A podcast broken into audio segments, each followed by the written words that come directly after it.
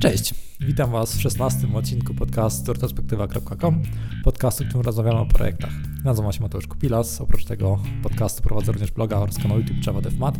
Gościem dzisiejszego odcinka jest Krzysiek Kowal, e, dźwiękowiec, między innymi tworzył muzykę oraz dźwięki do, do gry The Mimis Beginning. E, już w tym podcaście, w 10 odcinku podcastu omawialiśmy ten projekt. I dzisiaj, dzisiejszy odcinek nie będzie o konkretnym projekcie, zazwyczaj rozmawiamy o jednym konkretnym projekcie, ale w przypadku dźwiękowca, freelancera nie jest to do końca możliwe. Porozmawiamy sobie o paru, e, o paru projektach, w których pracował, ale większość, większość odcinka jest właśnie o tym, jak wygląda praca dźwiękowca, jak, jak zacząć jako dźwiękowiec, więc jeżeli ktoś z Was myślał o tym, by zostać dźwiękowcem do gier czy do animacji, to zdecydowanie jest odcinek dla Was. Zapraszam. I heartily endorse this event or product. Sponsorem odcinka jest mój projekt IT Startup Gra Karciana. Taka gra karciana, w której gramy programistów, wzmacniamy ich wiedzą i podkradamy ich sobie działem HR i kartami akcji. Trwa ostatni tydzień akcji crowdfundingowej projektu. Aktualnie projekt na Wspieram to zebrał już ponad 50 tysięcy złotych wsparcia. Po szczegóły projektu zapraszam pod itstartup.pl. Cześć Krzysiek, witam Cię w podcaście. Cześć, witam serdecznie. Mm, przedstaw się proszę, powiedz trochę kim jesteś i czym się zajmujesz. Nazywam się Krzysiek Kowal i zajmuję się, e, że tak powiem, szeroko pojętym udźwiękawianiem gier komputerowych. To znaczy, że siedzę głównie w tej naszej wspaniałej game devowej branży polskiej. E, chociaż sporadycznie zdarza mi się też e, dostawać zlecenia na udźwiękowianie animacji, czy też stworzenie muzyki mm, do jakiegoś krótkiego filmu. Przygodę w sumie z branżą game devową rozpocząłem tak w sumie poważnie około 6 lat temu. E, właśnie przy współpracy z Kubą Machowskim i jego Mimsami, czyli, czyli e, którego już w jednym ze swoich podcastów tutaj gościłeś. Tak, tak, podlinkujemy oczywiście pod, pod, e, tak. pod podcastem ten, ten wywiad. To było takie pierwsze w sumie poważne zlecenie na zrobienie całego soundtracku i, i udźwiękowienie całego świata.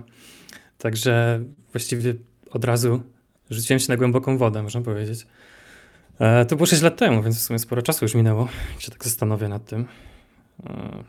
No a tamtego, pory, tamtego momentu to przewinęło się paręnaście, o ile nie dwadzieścia parę, w sumie bym powiedział, już większych lub mniejszych projektów. Więc to brzmi jakbym miał doświadczenie, ale w sumie zupełnie nie uważam siebie za taką osobę, która jest doświadczona. A udaje ci się tego, e... tylko z tego utrzymywać, czy, czy zarobkowo jest to powiedzmy taki, taki dodatek tylko u ciebie? Wiesz co, w tym momencie się to zmieniło e, z tego powodu, że podjąłem już pracę taką regularną jako dźwiękowiec w firmie Jutsu Games e, w Warszawie. W sumie właściwie biorąc pod uwagę tę pracę, plus jeszcze jakieś dodatkowe zlecenia, myślę, że nie jest najgorzej. Mogę tak Czyli powiedzieć. jesteś full-time dźwiękowcem, tak można e, Prawie full-time, trzy czwarte aktualnie w firmie Jutsu Games, a tą jedną czwartą akurat poświęcam na jakieś inne zlecenia poboczne. Mhm. które gdzieś tam mi się trafią. A tak, to tak. oprócz dźwięku jeszcze czym się zajmujesz? Jeszcze coś zarobkowo robisz?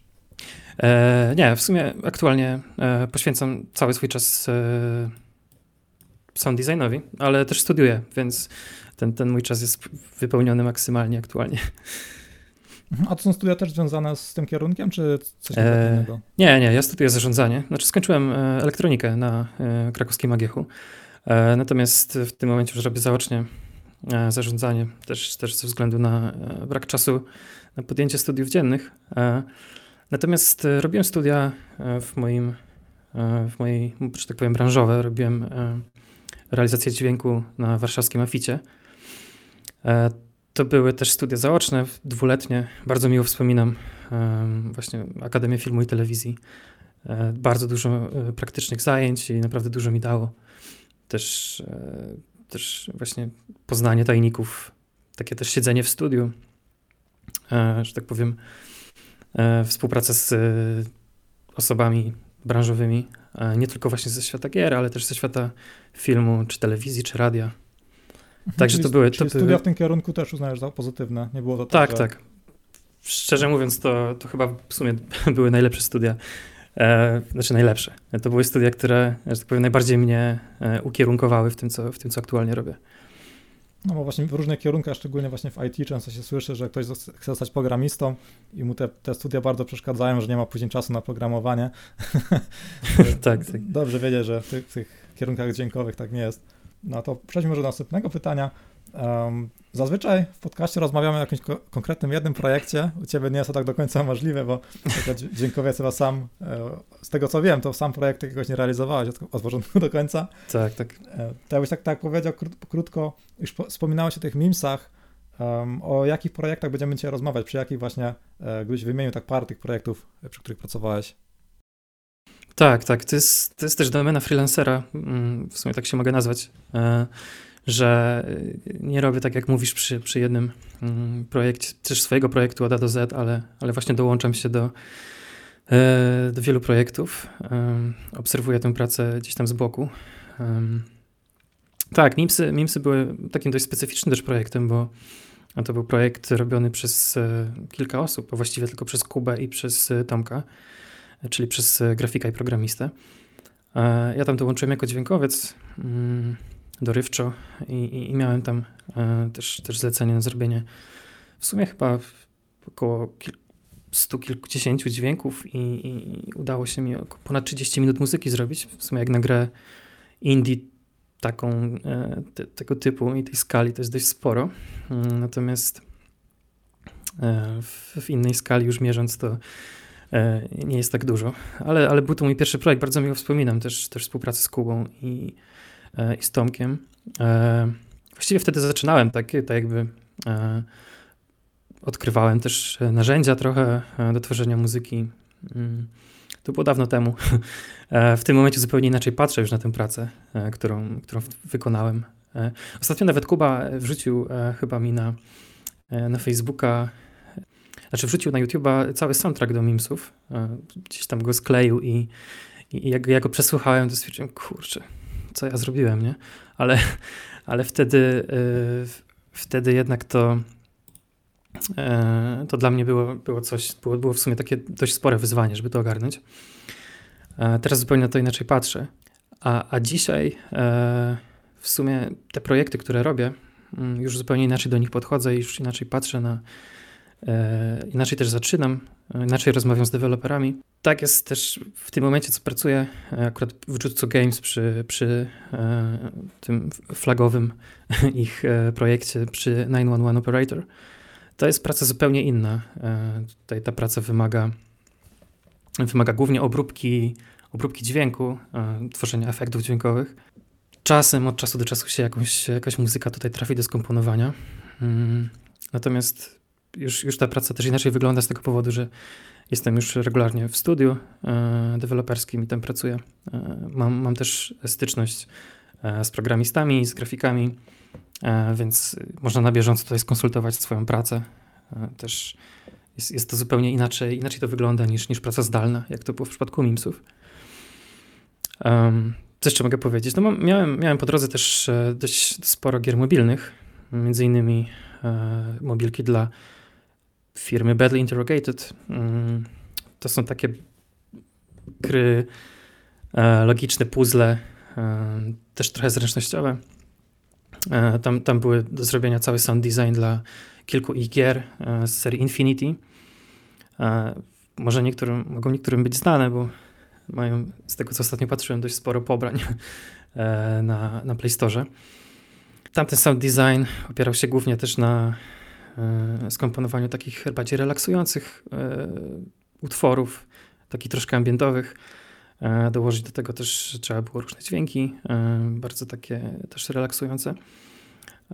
Też w sumie dla Belly Interrogated zrobiłem pięć albo sześć projektów, także też dość sporo. I oczywiście jeszcze mi się trafiły po drodze chyba najciekawsze z perspektywy dźwiękowca E, prace. Były prace przy grach typu Hopa, czyli Hidden Object Puzzle Adventure. Tutaj dla Artifex Mundi, e, dla e, Moonrise Interactive wcześniej, dla Orchid Games.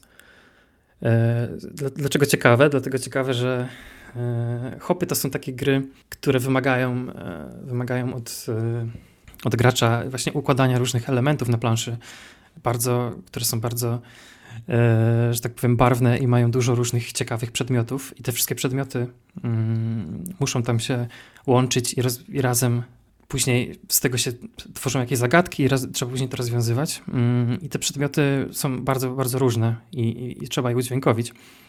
Może, może tak podpytam, e, gdybym chciał na przykład um, ja albo jakiś słuchacz, powiedzmy ma jakiś swój projekt, e, jakąś swoją grę i chciałby podpisać jakąś umowę, umowę o działo z, takim, z taką osobą jak ty, ja sobie to wyobrażam tak, że na przykład robię, robię um, na początku taką wersję, gdzie wszystkie moje, wszystkie dźwięki, co jakby moje takie chałupnicze i ci po prostu daję listę, tutaj jest taka gra z takimi, um, z takimi dźwiękami, na przykład daję ci jakieś grywalne demo, gdzie możesz sobie wypróbować, jak to w grze wygląda, e, wszystkie pliki dźwiękowe do podmiany i w, i w tej umowie jest wypisane dokładnie, jakie dźwięki od A do Z mhm. Musisz zrobić, czy, czy wygląda taka umowa taka trochę inaczej, że na przykład jest taki zapis w tej umowie, że e, jeszcze sugerujesz, że w tym, w tym momencie warto by dodać dźwięki, czy coś, czy raczej jest to taka, taka lista właśnie tych dźwięków? Bardzo różnie. E, tutaj do tego podchodzą zleceniodawcy. Przeważnie, znaczy dla mnie najlepiej, jeżeli w ogóle dostanę grywalne demo albo jakiegoś builda, gdzie jestem w stanie sobie przegrać e, dany fragment gry, czy tam przejść kilka leveli. E, wtedy ja sobie sam tworzę taką listę mm, i daję po prostu do zatwierdzenia deweloperowi. On, on sprawdza, czy jest OK. I, I potem wysyłam mu asety. E, zdarzają mi się też niestety takie, niestety mówię, bo to jest dość uciążliwe, ale takie projekty, gdzie przychodzi e, do mnie deweloper i mówi, no a tutaj mamy taką planszę, niestety nie jesteśmy w stanie ci pokazać e, świata, bo no, tam jeszcze nie możemy ci tego przygotować, no ale tu mamy taki świat, powiedzmy, są palmy, jest piasek i tu sobie chodzi słoń i tutaj trzeba zrobić dźwięk, nie? No i wszystko spoko, ale nie do końca też... Że nie możesz tego wypróbować, jak to Tak, tak, tak, bo to, to też jak tworzę dźwięk, to yy, też muszę to widzieć, tak? Yy, sam opis słowny mi tutaj nie wystarczy. Yy, jeżeli dostanę jakąś garść screenów, czy, czy chociażby wideo, też jest spoko. Y, to już, już jest ok. To przy pracy zdalnej. Też najlepiej, jak, jak w ogóle się spotkam z deweloperem i on mi pokaże y, wszystko u siebie, jeżeli nie może mi wysyłać, bo E, że tak powiem, nie chcę swoich materiałów gdzieś udostępniać w sieci, to najlepiej właśnie jak, jak sobie spojrzę na ten projekt, e, czy, czy po prostu zagram. Tak. Ale też zauważyłem, że z, w ogóle z wymaganiami klientów to jest tak, to zauważyłem to dopiero jakiś czas temu, e, że dostajesz zlecenie na dźwięk, przygotowujesz go, dajesz siebie bardzo dużo, tam wychodzi ci jakiś świetny dźwięk, czy utwór muzyczny.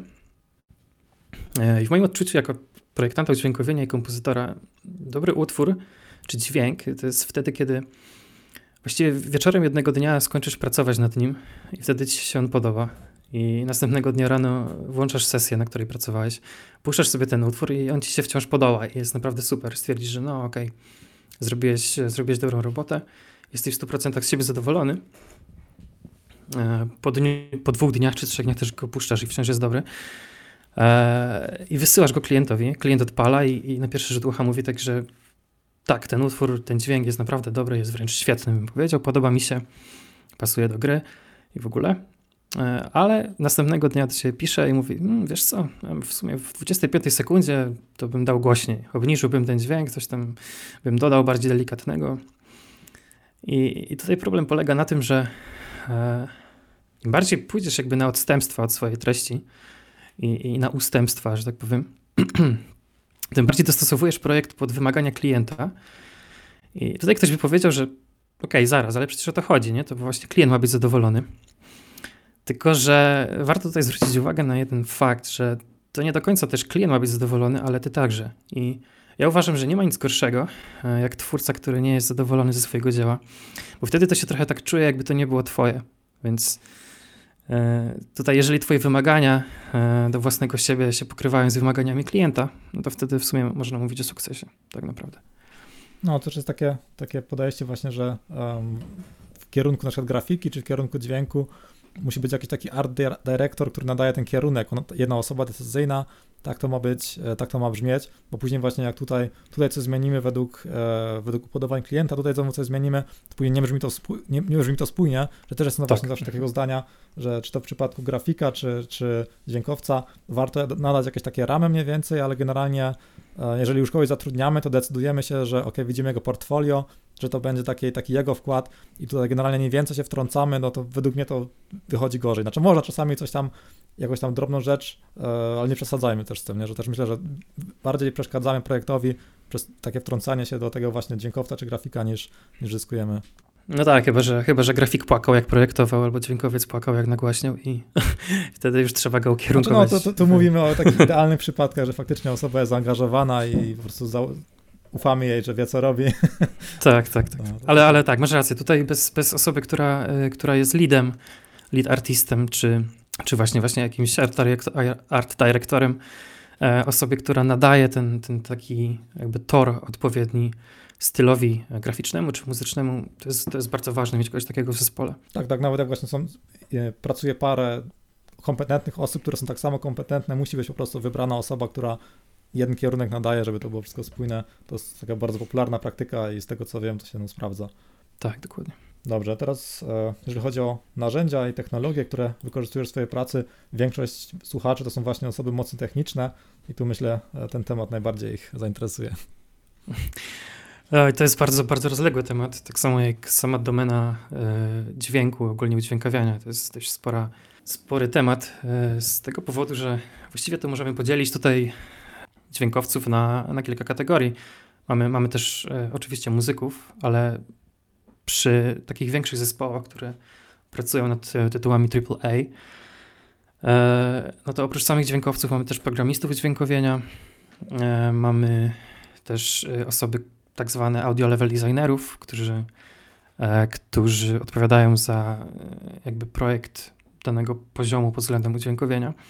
No i tutaj te narzędzia też są różne, tak? Więc jeżeli projekt wymaga od ciebie e, nagrania jakichś efektów, e, czy, czy, czy właśnie skomponowania muzyki, e, to tutaj też wiadomo, to są takie narzędzia, nie mówię o software'ze, tylko bardziej o hardware'ze w tym momencie. To są takie narzędzia właśnie jak przede wszystkim mikrofony, czy, czy też właśnie interfejsy audio, mm, które są bardzo pomocne przy, przy nagraniach efektów dźwiękowych, czy to w studiu, czy, czy też terenowych. Też e, te, e, te narzędzia się tutaj różnią. A to masz jakieś mm. instrumenty na żywo, takie typu właśnie gitara, perkusja, czy raczej u ciebie to jest e, jak, jakiś interfejs, który, gdzie masz jakieś klawisze podpięte i to wszystko przez soft idzie? W przypadku muzyki. Wiesz co, tutaj jest tak, można powiedzieć, pół na pół z tego powodu, że staram się bardzo jeżeli mogę i nagrywam muzykę, już to staram się tutaj używać instrumentów e, akustycznych, no z tego powodu, że wiadomo, brzmienie instrumentów akustycznych, a, a tych elektronicznych jest zupełnie e, różne, tak? I, I, zupełnie tutaj nieporównywalnie lepsze e, efekty można uzyskać przy nagrywaniu instrumentów akustycznych. Ale też tutaj trzeba znać się na tajnikach realizacji nagrań. To nie jest tak, że mamy instrument, kupimy sobie mikrofon, podłączymy, nagramy i spoko, wszystko gra.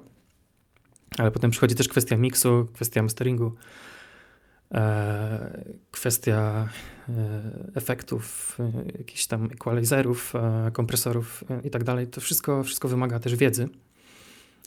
Natomiast jeżeli oczywiście aktualnie nie mam przy sobie, nie wiem, jakiejś tureckiej gitary, bo tak wyszło, no to wtedy y, korzystam z tak zwanych wirtualnych instrumentów i e, mam podpiętą klawiaturę sterującą do, do komputera i za pomocą tej klawiatury e, właśnie wybieram sobie dany instrument w, w moim software'ze, w tak zwanym e, DAW, czyli Digital Audio Workstation. To jest mm, program, który e, umożliwia nagrywanie, komponowanie, miksowanie, mastering, masteringowanie, masterowanie. Jest coś takiego jak, jak na przykład darmowy Reaper? Czy... tak, tak, tak. Reaper, Reaper jest darmowy. E, Reaper jest też programem DAW, mhm. czyli, czyli właśnie e, to jest taki kombine, gdzie możemy podpiąć właśnie tam wirtualne instrumenty, e, wtyczki, zapiąć odpowiednie efekty, mamy wirtualny mikser, możemy zrobić mix i później to wszystko wyeksportować. Możemy też nawet podkładać dźwięk pod wideo, więc tak, na tym polega DAW. Inną, inną też w sumie kategorią są oprócz tych narzędzi wszystkich do komponowania, do nagrywania, e, są też narzędzia do implementowania dźwięku. Z tego powodu, że to, że się nagra i przygotuje asety, i czy nagra utwór i e, fajnie się go skomponuje i zaaranżuje, e, potem trzeba też to wszystko włożyć do gry, tak. Tutaj z pomocą nam przychodzą takie programy, oprogramowanie typu middleware, jak na przykład Fmod czy Wise gdzie właśnie już w tych, tych większych projektach AAA, e, czy, czy, czy już takich bardziej budżetowych, używa się tutaj, używa się tutaj tych middleware'ów, na przykład Wise'a. To jest oprogramowanie, które implementuje się do, podpina się pod środowisko, którym tworzona jest gra, czy pod silnik, czyli tutaj w tym wypadku na przykład Unity, czy Unreal, Unreal Engine. I, I ten middleware jakby odciąża, odciąża dźwiękowca od, e, od kodowania e, dźwięku, czy od implementowania go w grze. E, z tego powodu, że dużo rzeczy możemy ustawić, ustawić w tym middleware'ze. Jak na przykład strefy pogłosowe, czy chociażby zrobić muzykę adaptacyjną. Mhm. Czyli koniec końców ten, ten, ten deweloper, on później ma po prostu nie tylko ma ten asset jako plik dźwiękowy, tylko ma jeszcze jakby twoje ustawienia właśnie z tego pośredniego programu. Tak, tak, dokładnie. Ty mu tam wysyłasz. E, dźwiękowiec tutaj w sumie też e, nie musi umieć do końca programować. E, po prostu wysyła ustawienia w tym middleware'ze.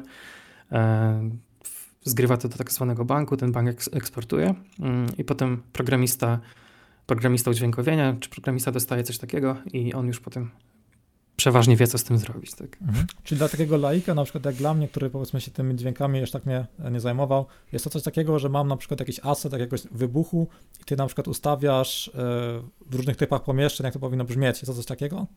E, tak, e, też. To dobrze trafiłem. e, załóżmy, że na przykład kroki, wchodzisz do jaskini, tak, i chcesz ustawić pogłos, e, no to parametryzujesz dany, dany dźwięk.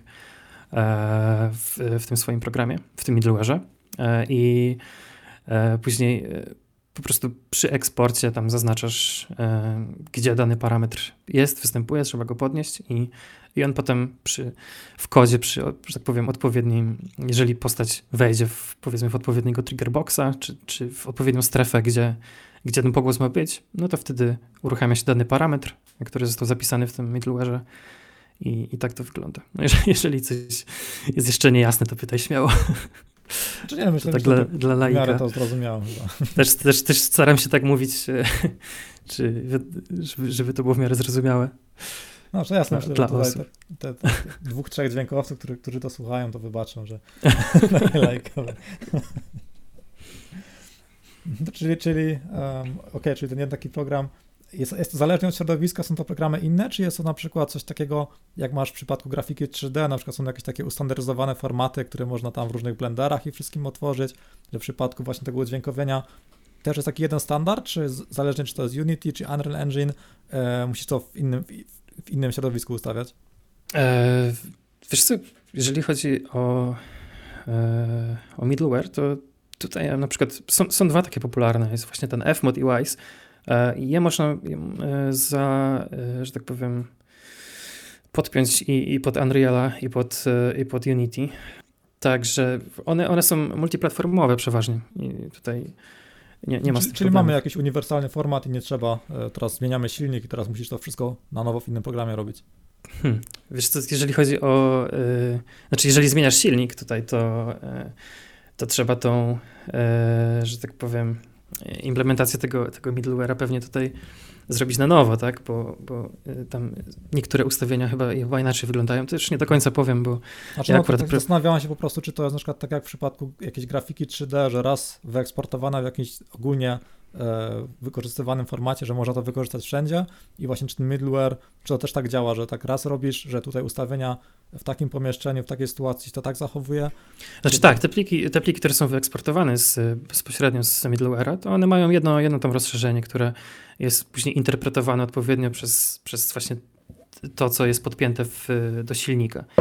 E, to, to, już to co, to, co dźwiękowiec zrobi, e, jedną rzecz, powiedzmy tam zrobi sobie jakiś, jakąś, jakiś event w tym middleware'ze, e, czy e, ustawi sobie jakieś tam parametry miksera e, i on potem to wyeksportuje, to, to, już jest jakby jeden format, nie ma znaczenia.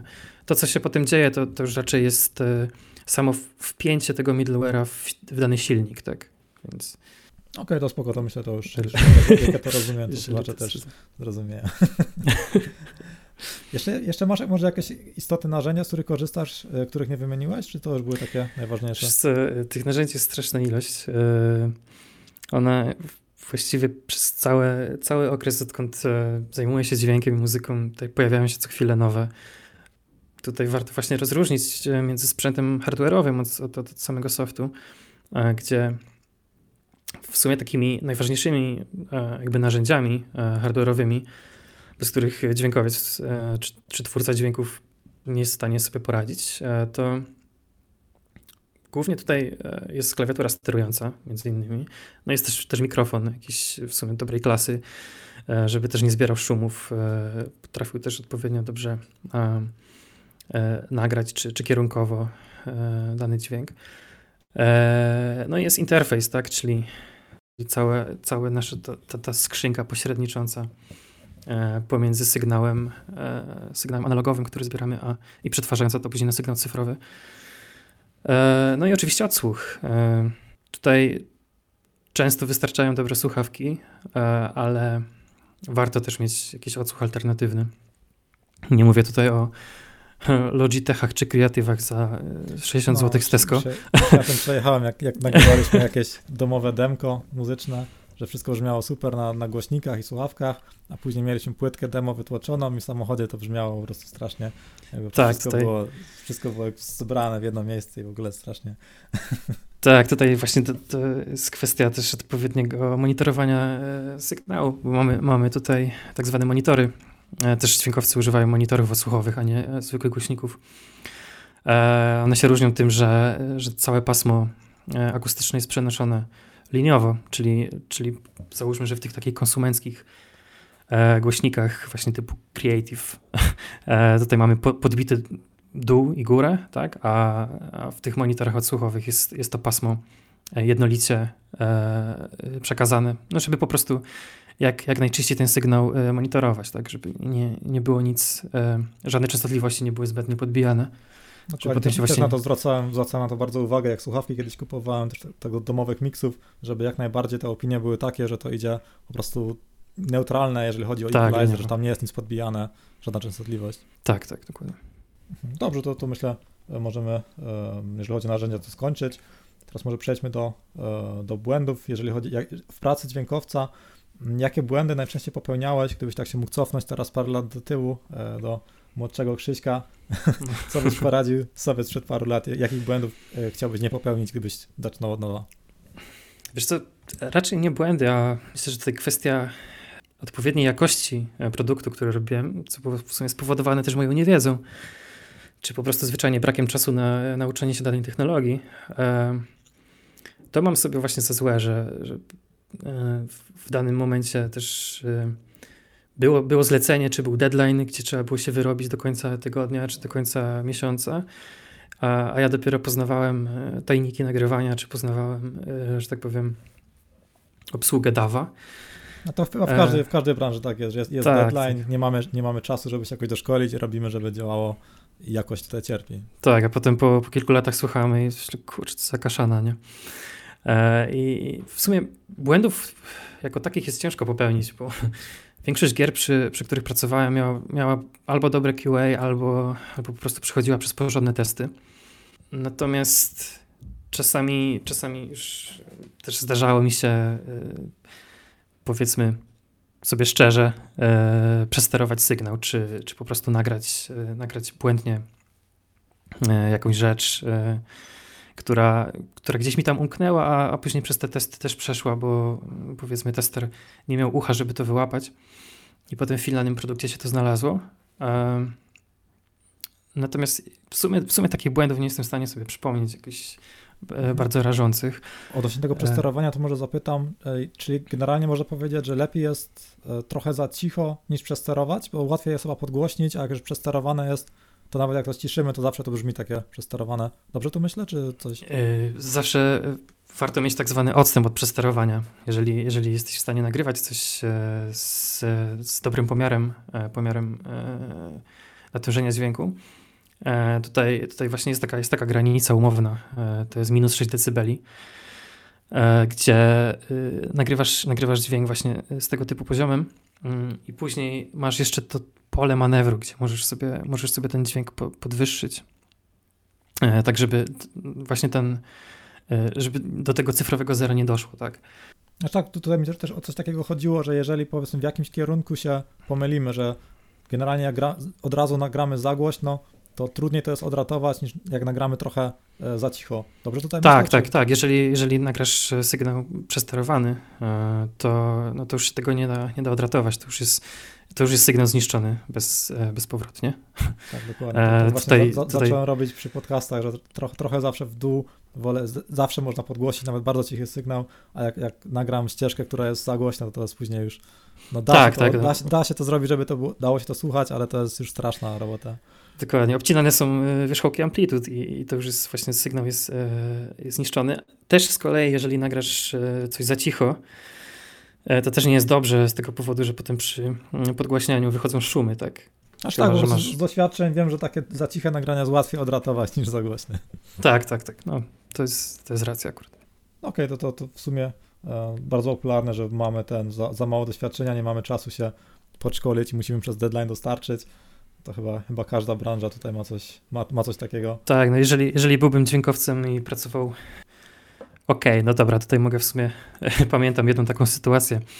Może to nie, nie było częste w, mojej karierze, ale raz e, nagrywałem dźwięk na planie e, etiudy filmowej. Mm, To jeszcze jak studiowałem w, właśnie na Aficie tutaj w Warszawie. E, I tutaj właśnie często mi się zdarzyło nagrać niestety dźwięk właśnie albo za głośno, albo za cicho, ale to już jest to, o czym mówiliśmy. Też, też czasami zdarzało mi się, że, że powstawała pętla sprzężeń, co, co, że tak powiem, dezorganizowało pracę na planie, bo e, powiedzmy e, tutaj reżyserka była mega zadowolona z, z ujęcia, a ja mówię, kurde, no sorry, ale dźwięk jest do powtórzenia. No, też mi się zdarzyło, No i- jak, jak testowałem oprogramowanie do nagrywania, jak dwa laptopy w jednym pomieszczeniu, to też się robią sprzężenia. To można Tak, sobie tak, łatwo, to są- łatwo w domu sprawdzić. E, też pamiętam taką sytuację e, na planie, e, że, e, ale to już nie wynikało niestety z mojej, e, znaczy stety, że to już nie wynikało z, mojej, z mojego błędu, ale tutaj akurat organizatorka produkcji nie przewidziała e, na przykład, że e, w parku, gdzie nagrywaliśmy etiudę, były jakieś pokazy e, lotnicze i latały helikoptery i, i jakieś inne rzeczy i też jeżeli chodzi o nagrywanie dźwięku na, pla- na planie, to było bardzo, bardzo trudno zebrać ten dźwięk. Potem musiałem to też wycinać u siebie w programie. E, czy, czy na przykład budowa autostrady obok planu. E, była to akurat jak w Lublinie robiliśmy, e, nagrywaliśmy sceny.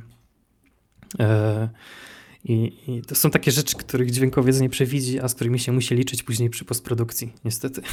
No, też, też właśnie takie, takie rzeczy dopiero zacząłem słyszeć, odkąd sam właśnie jakieś podcast nagrywam czy coś, że kiedyś takich, takich, takich drobnych hałasów się nie słyszało, a teraz jak nagrywam, tak strasznie mi przeszkadza, że tutaj jakaś syrena niedaleko, w straży pożarnej jest, normalnie Tak, się na to nie tak, zwraca tak, tak. uwagi, a jak nagrywasz, to to, to wkurza i to słychać wszystko. Najgorzej jest no, chyba, jak, jak, jak właśnie gościa nagrywam i koło niego przejedzie na przykład jakaś karetka pogotowia czy coś i ktoś sobie później słucha tego podcastu w samochodzie i później on myśli, że pogotowie Że to jest karetka. jedzie. Tak, No, ja wielokrotnie to już też, też miałem taką sytuację właśnie, że yy, akurat przy, przy nagrywaniu e, dźwięków do operatora 911 opera, Operator właśnie e, Jutsu Games e, tutaj bywały takie efekty dźwiękowe właśnie jak to przy tego typu grze, która opowiada o e, właśnie poczytaniach e, operatora telefonu alarmowego. Tutaj trzeba było nagrywać też właśnie dźwięki e, syren e, alarmowych, e, czy to policyjnych, czy, czy, czy, czy właśnie e, medycznych. I e, akurat w, w biurze było otwarte okno i, i, i zdjąłem te słuchawki, a dalej słyszałem ten dźwięk i miałem przez ułamek sekundy dość, dość spory mindfuck, że tak powiem. Jak, jak No, słyszałem to podobne dźwięki. w samochodzie właśnie w podcastach czy, czy w reklamach to jest najgorsze, że jak jedziemy samochodem i słyszymy sygnał alarmowy i się rozglądamy, gdzie to jest, hamujemy na, na drodze, a tak no, nie powinno raczej być. Tak, tak, tak. Zawsze, No. zawsze staram się ostro na to patrzeć, żeby, Żeby, żeby to wycinać. Mhm. Tak, bo to jednak w samochodzie to jest wręcz niebezpieczne nawet, jak to, to się pojawia. Tak, tak, racja. Dobrze, to tyle, jeśli chodzi o błędy. Mm, Jeśli to, to, to jest, myślę, dużo osób teraz, które, które słuchają, teraz, nie wiem, idą sobie do szkoły, plecak mają na plecach, sobie myślą, jak ja bym chciał być dźwiękowcem w przyszłości, czy generalnie teraz czym się zajmuję, tak myślę, czy może zmienić na to branżę. Jeżeli ktoś chce zacząć jako dźwiękowiec, to jak według ciebie powinien zacząć? E, przede wszystkim trzeba sobie tutaj odpowiedzieć na pytanie, co chcesz co chcesz w życiu robić i potem zacząć to robić, nie no. Eee, znaczy, no, tak, tak jest, trzeba, trzeba po prostu nagrywać, nawet mając, no, ma, szczególnie teraz, jak komórki naprawdę, one nie nagrywają źle, jak patrząc na to na sprzęt, który się miało 10 lat temu, to teraz mając jakiegoś tam Samsunga czy iPhone'a, tak, to tak. można naprawdę takie cuda robić, mając po prostu telefon. Coraz, coraz lepszą wbudowane w, właśnie w telefony. One są mikros, mikroskopijne tak naprawdę, a zbierają ten dźwięk dość, dość dobrze. E, natomiast wracając, no, dziedzina dźwięku jest ogromna, do tego e, e, wciąż, wciąż nawet po tym zerwaniu naszym połączenia wciąż przy tym zostaje. E, tutaj tak. E, właściwie mamy tutaj bardzo, bardzo dużo, e, dużo różnych nie wiem, mogę to nazwać poddziedzin. E, mamy, mamy pracę przy dźwięku w radiu, przy, przy dźwięku w telewizji, przy filmie, przy nagrywaniu, przy postprodukcji. Jest to praca w studiu, przy nagrywaniu e, muzyki. E, mamy właśnie pracę jako dźwiękowiec w game devie, jako programista dźwięku. Jest naprawdę przy nagłaśnianiu koncertów. Jest naprawdę szerokie, bardzo szerokie spektrum tego wszystkiego. I warto sobie tutaj odpowiedzieć na pytanie, co z tego wybrać, jeżeli już chcecie zajmować się dźwiękiem. Natomiast jeżeli chcecie zajmować się dźwiękiem w grach, to mogę polecić tutaj przede wszystkim to, że e, żeby opanować e, dane jedno narzędzie, czyli wybrać sobie jakiegoś dawa chociażby e, i opanować go w 100%. Naprawdę nie ma nic lepszego jak wyrzeźbienie dokładnie takiego dźwięku, jakiego chcesz w kilka czy kilkanaście minut za pomocą narzędzi, które bardzo dobrze znasz. E, tutaj właśnie sprawne poruszanie się po, e, po DAW czy po wirtualnych instrumentach, wtyczkach. No i to nawet to można jest... pierwsze kroki zacząć bez w ogóle klawiatury sterującej, bo to można. Tak, znaczy tak, wiadomo, że wygodnie można sobie nawet ale swoją klawiaturę. Wszystko. Tak, można sobie nawet swoją klawiaturę zrobić, ze swojej klawiatury komputerowej zrobić klawiaturę sterującą. E, gdzie tutaj oczywiście dynamiki na klawiszach nie będzie, ale, ale można sobie poklikać tak, zawsze e... łatwiej takie MIDI później ustawić niż, niż robić to myszką. Tak, dokładnie. E... No ja uważam, że to jest, to jest podstawa, poruszanie się, korzystanie z narzędzi. To tak jakbyś, nie wiem, był, był kowalem i chciał wykuć zbroję, wiedział jak to zrobić, ale nie umiał praktycznie wykorzystać swojego młotka. I, i ten, ja, ja tu powiem, że właściwie setki godzin, które spędziłem w moim, w moim DAW, to, to dały mi tę umiejętność takiego szybkiego manipulowania dźwiękiem. E, I, I to jest bardzo pomocne, tak. To jest podstawa w sumie tego wszystkiego. Kolejna rzecz, praktyka, jeszcze raz praktyka. Mm, ale też w sumie warto, dużo jest naprawdę tutoriali na, na YouTubie, gdzie e, są pokazywane też podstawy cyfrowej obróbki dźwięku, czy, czy takie zagadnienia czysto techniczne, realizatorskie, które naprawdę się przydadzą. Jak monitorowanie sygnału, żeby znać skalę decybelową na przykład. E, I, I też takie właśnie czysto techniczne rzeczy, które jak się zagłębi, to, nie, nie, są takie trudne, jakby się wydawały. Ko kojarzysz może, bo wspomniałeś o, tej, o tych tutorialach z YouTube'a, jakiś konkretny kanał, z którego wyjątkowo materiał byś mógł polecić, to mógłbym właśnie pod odcinkiem podlinkować. Eee, może tak, nie, polecam. Nie, nawet nie e, nazwę, tylko znaczy jak, jak, znasz nazwę, to super, ale możesz na przykład mi po, po, e, po odcinku podesłać, to podlinkujemy pod, pod odcinkiem twojego Jasne, bardzo, YouTube. Bardzo polecam zakamarki audio. E, to już mogę nawet powiedzieć, że to jest www.zakamarkiaudio.pl. Taka strona e, prowadzona przez, e, przez takiego gościa, który już prowadzi tę stronę chyba z oj, ładnych, ładnych parę lat, chyba z 6 albo 7.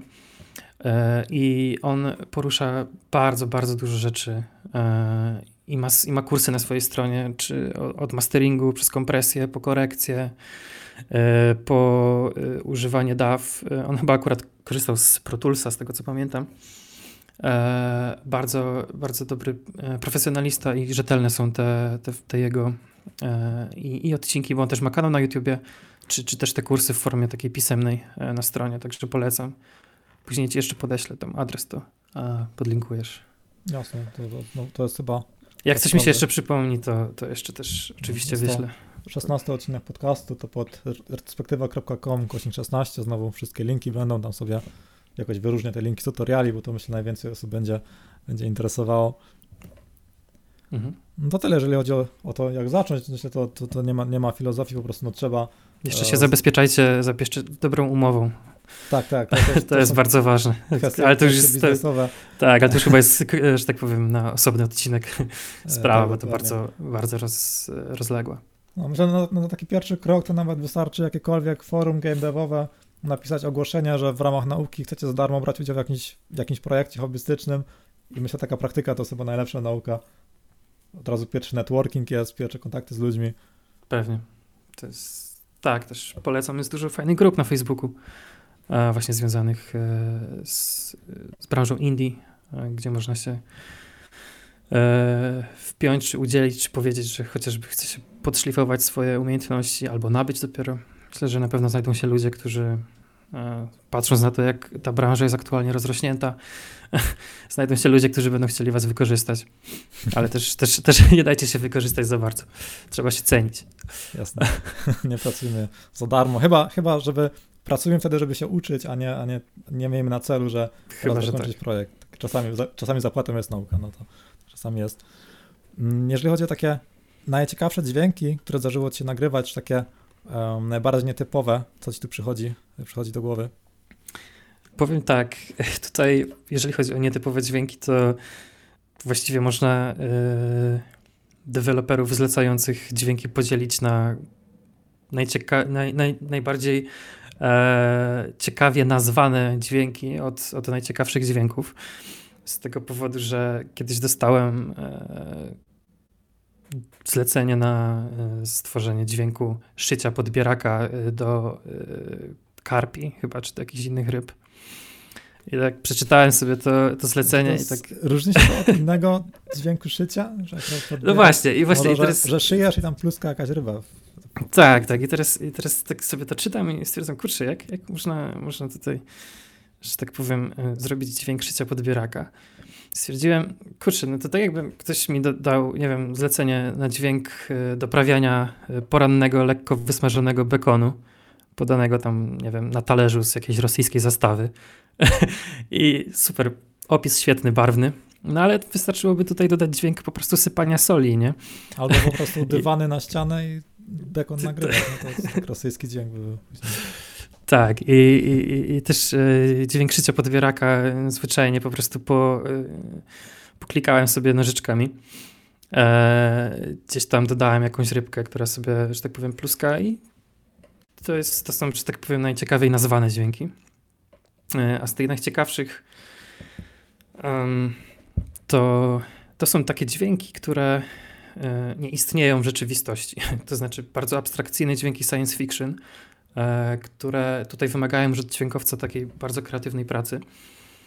E, z tego powodu, że trzeba na przykład wymyślić dźwięk, jakby zachowywał się wielki minotaur, który jest połączony razem z dzikiem na przykład, a aktualnie jest z tobą na jakiejś tam e, arenie walki i wydaje dźwięki, bo chcecie zaatakować. Tutaj z tego miejsca pozdrawiam e, twórców gry Cubers, bo właśnie do, do tej gry ostatnio robiłem tego typu dźwięki.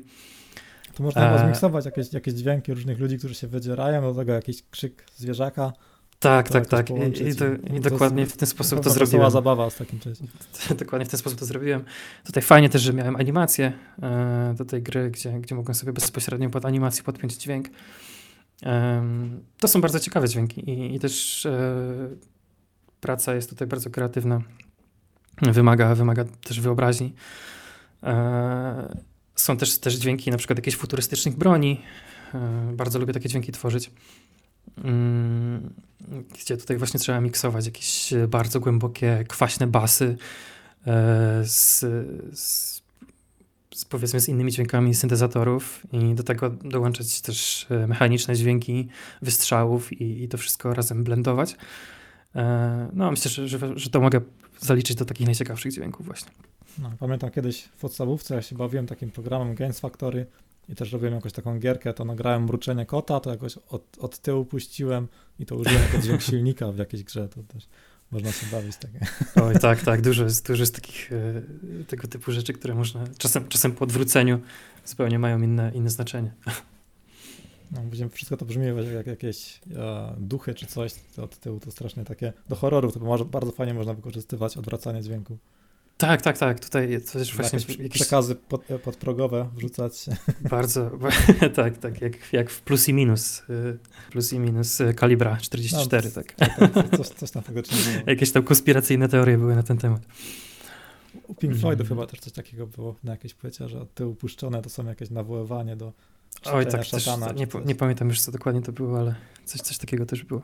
Pink Floydów. Mhm. A gdybyś tak ujął cały proces od, jak to wygląda od nagrania do implementacji w grze, jakby się tak od właśnie od, od A do Z tak w uproszczony sposób mógł e, słuchaczom przybliżyć. Mhm, postaram się to właśnie w uproszczony sposób, bo gdybym miał o tym mówić, to pewnie byśmy skończyli o 24. Znaczy, jasne, tak, tak, tak dla laików, jako ciekawostka, żeby na przypiwie się pochwalić, o, że ja wiem, bo słyszałem w takim mądrym podcaście. Jasne, to tak, taką wersję dla, dla właśnie osób, którzy siedzą przy piwie. Przede wszystkim nie, mam, nie, mamy, nie mam żadnego dźwięku, e, chcemy go wykreować całkowicie od początku. E, bierzemy po prostu mikrofon, e, podpinamy go w interfejs, załączamy nagrywanie, staramy się nagrać jak największą ilość razy powtórzeń, największą właśnie ilość powtórzeń, żeby, żeby móc wybrać z tych wszystkich take'ów taki najlepszy i najlepiej brzmiący i najbardziej, który, który się mieści w, też w odpowiednich poziomach głośności. E, potem wrzucamy taki, taki plik do naszego DAWa, czy do naszego kombajnu dźwiękowego. Mm, no i tam dokonujemy odpowiedniej obróbki. E, czyli e, na przykład kompresujemy albo wywalamy jakieś przeszkadzające nam częstotliwości, podbijamy jakieś inne częstotliwości, żeby to lepiej brzmiało. Może właśnie nakładamy efekty, jakiś pogłos, jakiś echo albo różne, różnego typu typu inne efekty, na przykład chorus czy flanger. Zawsze można, zawsze warto eksperymentować tutaj też z efektami, bo czasem można wykręcić naprawdę, naprawdę super dźwięk. E, no i jak już mamy taki gotowy dźwięk, e, no to implementujemy go w grę. E, tutaj właśnie z tego, co już wcześniej mówiłem dość długo o tych middleware'ach, albo korzystamy z tego typu oprogramowania, albo, albo przeważnie wysyłamy bezpośrednio do, do dewelopera i on już tam sobie to ustawia wedle, e, wedle życzenia. Ale potem oczywiście jeszcze przychodzą e, poprawki różnego typu, e, które się zgłasza, że tutaj jest za głośno, tu jest za cicho, tutaj źle brzmi, tutaj jakieś buczenie, tu piszczenie i to trzeba później poprawiać. No nie wiem, czy powiedziałem coś odkrywczego tutaj, ale też wiele... Chyba nic, tak, tak, tak, tak to już w sumie to wcześniej poruszyliśmy, w stanie to tak, teraz po prostu podsumować.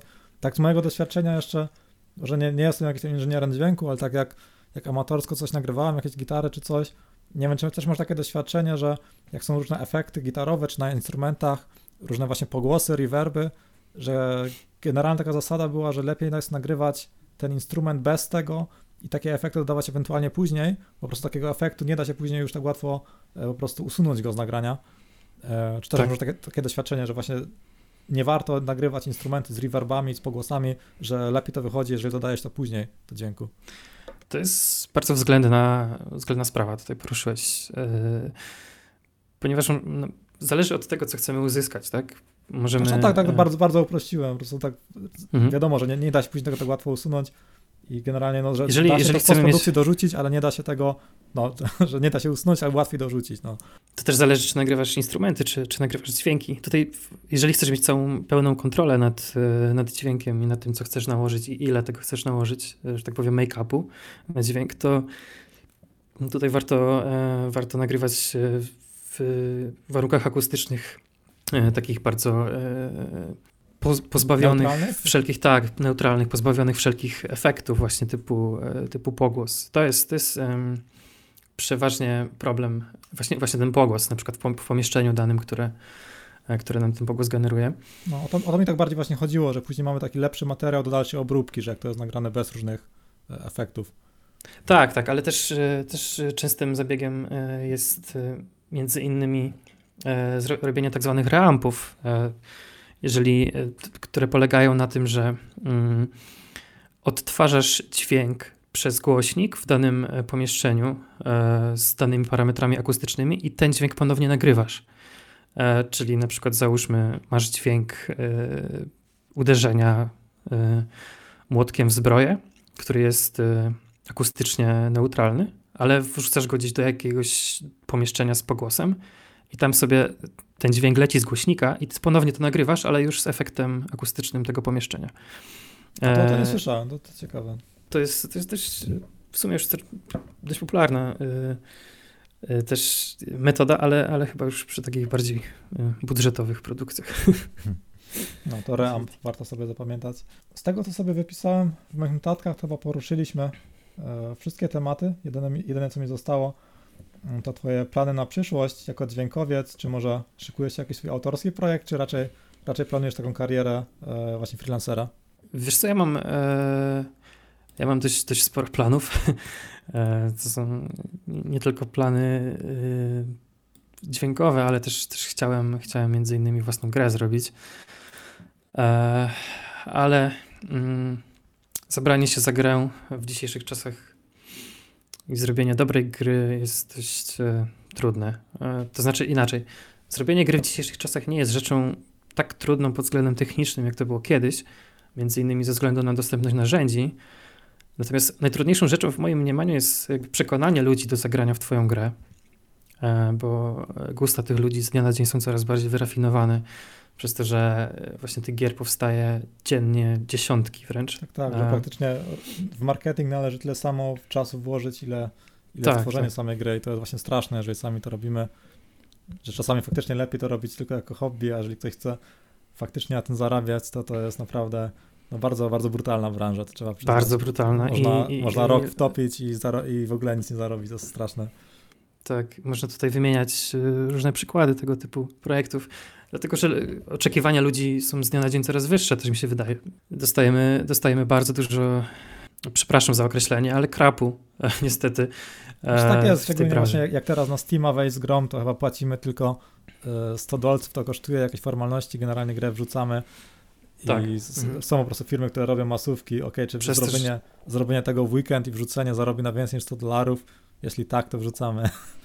Niestety Steam się, Steam się zrobił trochę takim, takim śmietniskiem pod tym względem. Znaczy tak, takim e, Apple Store'em wręcz. To, tego ale też tak, ale też uważam, że e, są perełki e, i te perełki tr coraz trudniej też dostrzec, e, bo są naprawdę bardzo dobre gry, które gdzieś tam giną e, w natłoku tych wszystkich innych. E, I, I tutaj też to jest taki mój plan, żeby zrobić grę, ale grę właśnie dźwiękową, opartą na mm, bardzo mocno na dźwiękach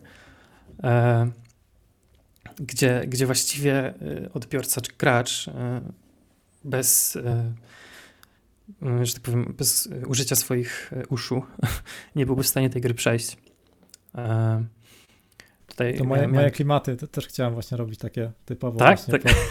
no nawet w 2015 chciałem taką, taką, taką firmę założyć, e, znaczy założyłem nawet firmę, ale później jakoś zmienił mi się profil, gdzie chciałem typowo edukacyjne gry muzyczne robić Mhm. Miałem, miałem właśnie jedną, jedną grę zrobioną do, do nauki czytania nut, robiłem drugą do, do ćwiczenia słuchu muzycznego. To był taki po prostu kliker, e, kliker muzyczny, w którym jesteśmy muzykiem, tam klikamy sobie, że on skacze na scenie jak typowym klikerze i mamy na przykład quizy muzyczne typu odtwarza się jakiś interwał muzyczny i trzeba zgadnąć, czy to jest teraz kwinta, czy coś, żeby jakieś bonusy odblokować, czyli tak jakby połączenie klikera z grą edukacyjną, gdzie jakieś mhm. quizy muzyczne typu interwały, czy, czy ten, że tutaj mamy na pewno wspólny temat, że też chciałem robić takie gry, gdzie właśnie ten, ten element muzyczny jest y, głównym, na głównym planie. Mi się zawsze podobały, podobały gry, y, gdzie właśnie ta muzyka czy udźwiękowienie tworzyły taką imersję razem z, z, z grafiką, czy z otoczeniem, czy z designem lokacji.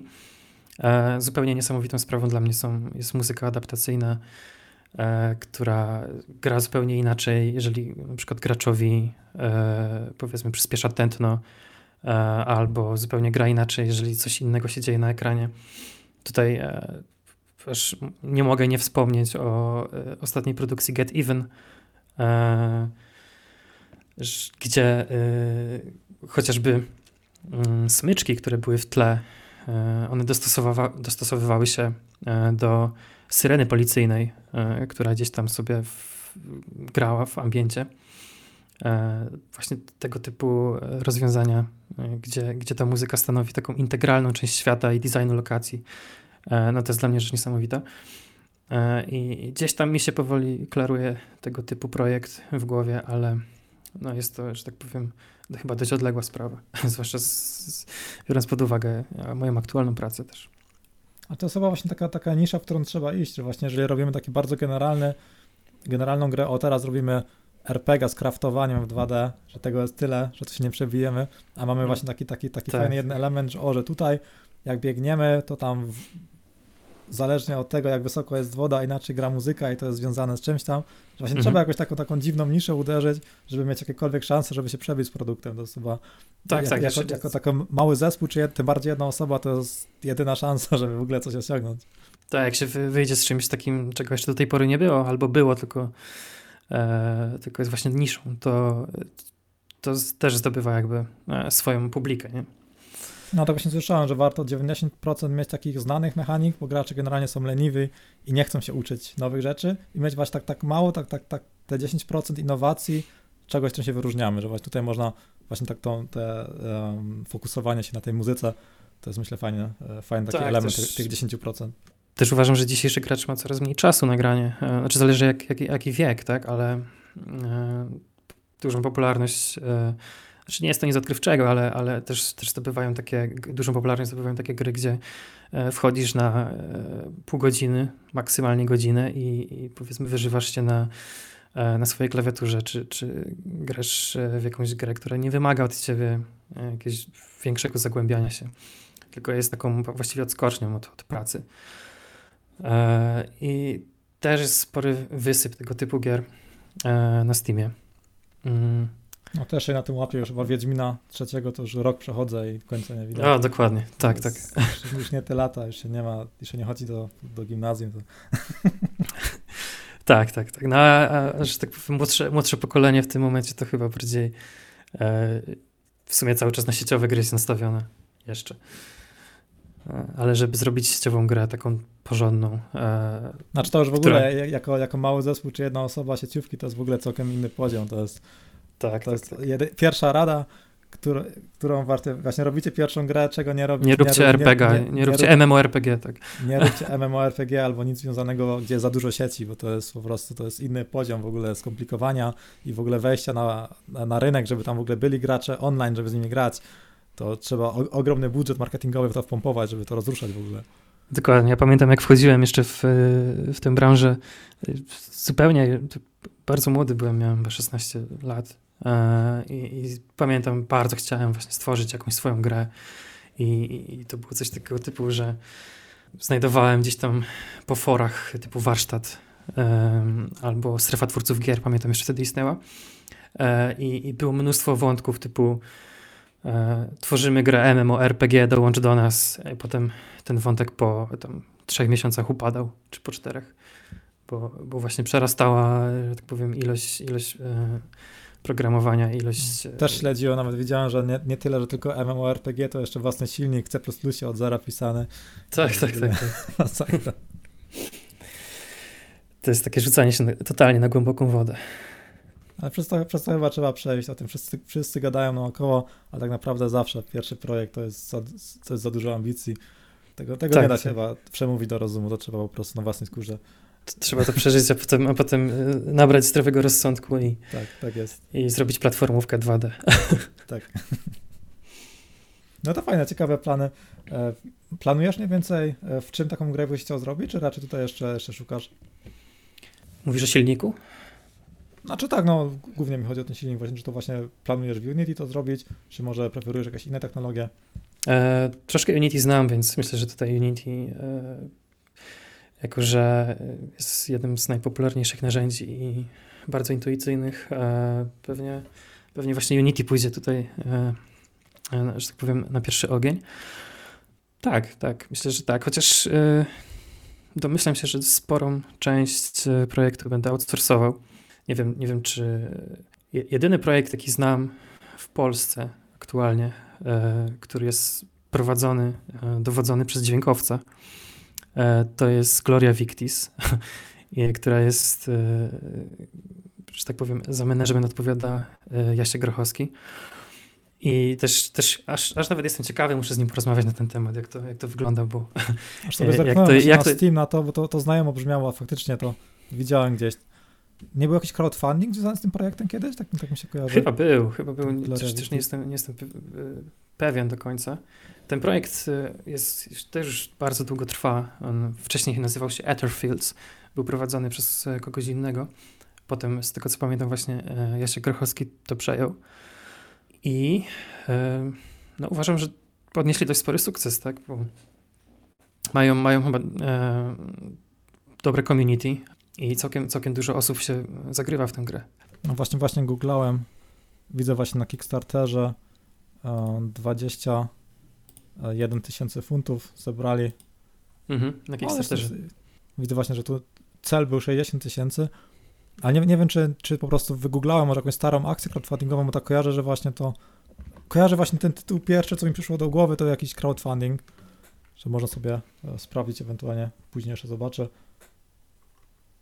Ale to, to mówisz, że to, to, to dźwiękowiec później przejął, czy, czy on, to, to on zaczął z tym projektem? E, z tego, z tego, e, co mi się wydaje, z tego, co pamiętam, też nie chcę tutaj wprowadzać ludzi w błąd, właśnie Jasiek Grochowski pracował przy tym projekcie wcześniej jako dźwiękowiec, jako muzyk, a potem mm, zajął się managementem i, i, i że tak powiem, przejął pieczę nad tym projektem. Też, też nie, nie wiem do końca, jak to tam, jak to tam z tym było. E, ale to, to, to, tylko tak e, wspomniałem właśnie a propos, a propos dźwiękowców, którzy biorą się za, e, że tak powiem, deweloperkę. Jasne, to sobie może go od razu zapiszę, może go w przyszłości zaproszę do Zaproś, ja, ja znam, znam Jaśka i że tak powiem, na, pewno będzie się, na pewno się będzie z nim ciekawie rozmawiał. Okej, okay, Gloria Victis, zaprosić, mam zapisane. Ok, czyli podsumowując plan na przyszłość, e, dalsza, dalsza praca jako dźwiękowiec i e, w planach na taką dalszą przyszłość jakiś własny projekt, jakaś własna gra z dużym naciskiem na ten dźwięk. W sumie bardzo, bardzo ciekawie. I to, I to chyba wszystko. E, bardzo dziękuję Krzysiek za rozmowę. Też się sam dużo dowiedziałem o odnośnie dźwięku. Parę rzeczy na pewno sobie sprawdzę po odcinku. Pod, podlinkujemy te tutoriale. I to tyle. Bardzo dziękuję, że się mhm. zjawiłeś. Bardzo dziękuję i dziękuję za zaproszenie w ogóle do, do podcastu. E, no i pozdrawiam. Dzięki za ciekawą rozmowę. Cześć. Dzięki, hej. To już wszystko w tym odcinku podcastu. Mam nadzieję, że odcinek się podobał. Wszystkie linki wymienione w podcaście oraz linki, które podesłał mi Krzysiek, czyli przydatne materiały dla osób, które planują zostać dźwiękowcem, znajdziecie pod retrospektywa.com 16. Powiem, że jest to 16 odcinek podcastu. Jeżeli podcast Wam się podoba i chcielibyście go wesprzeć, nawet bez dodawania pieniędzy, to zapraszam na retrospektywa.com kośnik wsparcie. Tam możecie przeczytać, jak możecie to zrobić, na przykład zwykła ocena na iTunes, czy polubienie na Facebooku. Wpływa to na zasięgi podcastu i w jakiś sposób pośrednio wpływa na potencjalne zarobki. Za tydzień będzie odcinek z Michałem Gellertem. Porozmawialiśmy sobie o o kursach na Udemy. Projektem jest stworzenie kursu na Udemy, jak taki kurs nagrać, trochę o marketingu takiego kursu, ile na takim czymś można zarobić, jak można takie coś promować. Więc jeżeli kogoś interesuje e, zarabianie przez kursy na Udemy, to zapraszam do, do odcinka za tydzień.